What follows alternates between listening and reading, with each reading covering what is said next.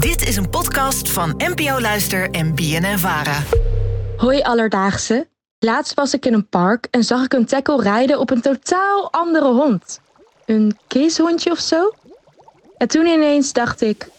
Kan een parkiet zich ook nou voortplanten met een mus? Alledaagse vragen. NPO Luister. Pernille uit Naarden, dankjewel voor je vraag. Um, Aaron, zoals je weet heb ik een hondje. Ja. En die is inmiddels op een leeftijd waarin die, uh, ja, dat, dat de gelheid uh, begint er wel vanaf te druipen. Oké. Okay. Uh, uitlaten wordt daardoor moeilijker. Grote honden, kleine honden, dat maakt hem allemaal niet uit.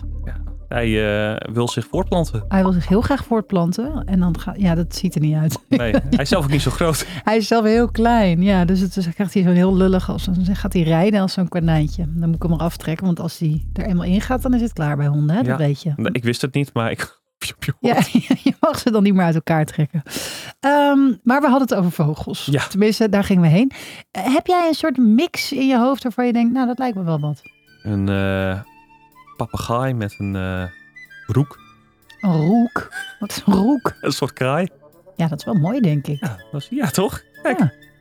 Nou, om te vragen hoe het nou zit met de voortplanting van verschillende vogels, sprak ik met Famke Berendsen. Zij is bioloog bij Artis en ze weet dus heel veel over de voortplanting van verschillende diersoorten. Uh, nou, er zijn ongeveer 10.000 vogelsoorten. En tot nu toe weten wij dat ongeveer 10% van die soorten heeft gepaard met een andere vogelsoort. Je ziet het vaker bij soorten die genetisch en fysiek op elkaar lijken. Bijvoorbeeld een zwaan met een gans. En dit kan zijn omdat uh, meer vergelijkbare soorten elkaars paringssignalen kunnen herkennen. Als het gaat over voortplanten, twee verschillende soorten met vergelijkbaar DNA kunnen paren en mogelijk ook nakomelingen voortbrengen. Dit zou dan een hybride zijn. Maar de kans dat hybriden volwassen worden is best klein. En zelfs als hybriden wel overleven, zijn ze meestal onvruchtbaar. Aha. Maar goed, 10.000 vogelsoorten, dat zijn er echt superveel. Maar ongeveer maar 10% daarvan uh, ja, uh, paart met een ander soort.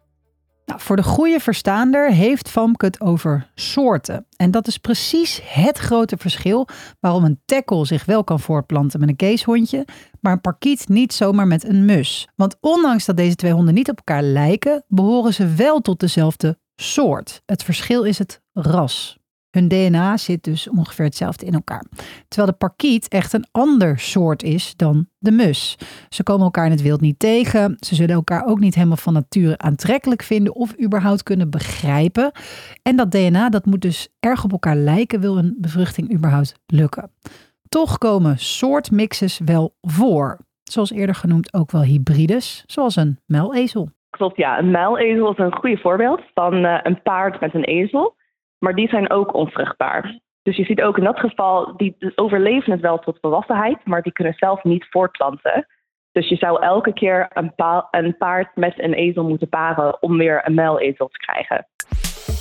Alledaagse vragen. Inmiddels bestaat de wereld uit duizenden dieren en diersoorten. En in mijn simpele brein moeten sommige soorten soms wel samen de liefde hebben bedreven om een nieuwe soort te creëren. Dat denk ik dan. Ja. Uh, maar Famke nam gelukkig de tijd om mij weer even opnieuw uit te leggen hoe evolutie in de basis vaak anders gaat. Ik ben benieuwd.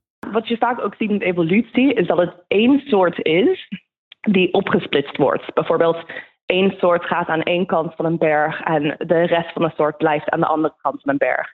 En dan gaan ze vanaf die punt gaan ze verschillende kanten op evolueren. En daardoor worden het uiteindelijk twee verschillende soorten. Maar ik heb wel nog wat leuke weetjes over het DNA en combineren. Uit onderzoek blijkt dat een aantal gisten, planten, vissen en amfibieën wel vruchtbare hybriden kunnen produceren. Maar soms hangt het ook af van welke soort de vader of moeder is. Bijvoorbeeld wanneer een vrouwelijke klauwkikker wordt gekruist met een mannelijke westelijke klauwkikker, zijn de embryo's levensvatbaar. Maar als je dit omdraait en je zou een mannelijke klauwkikker kruisen met een vrouwelijke westelijke klauwkikker, dan gaat er iets mis in de vroege stadia van ontwikkeling en sterven die embryo's. De ge genetica, DNA, het is gewoon allemaal best ingewikkeld. Dus, Pernille, een mus en een parkiet kunnen zich niet zomaar voortplanten omdat het echt om een ander soort gaat. Dat maakt dat ze elkaar waarschijnlijk niet eens tegenkomen, laat staan begrijpen.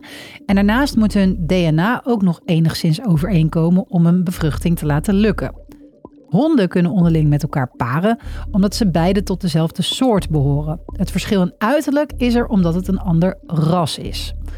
Toch komen hybrides wel voor, maar vaak ontstaat dat in gevangenschap, omdat wij mensen die dieren dan kruisen. Denk bijvoorbeeld aan een muilezel. Ik had graag mijn pappenroek willen zien. Ja, oh, papa Roek. Heb jij ook een vraag? Stuur ons dan een berichtje op Instagram. Dat kan naar @alledaagsvragen.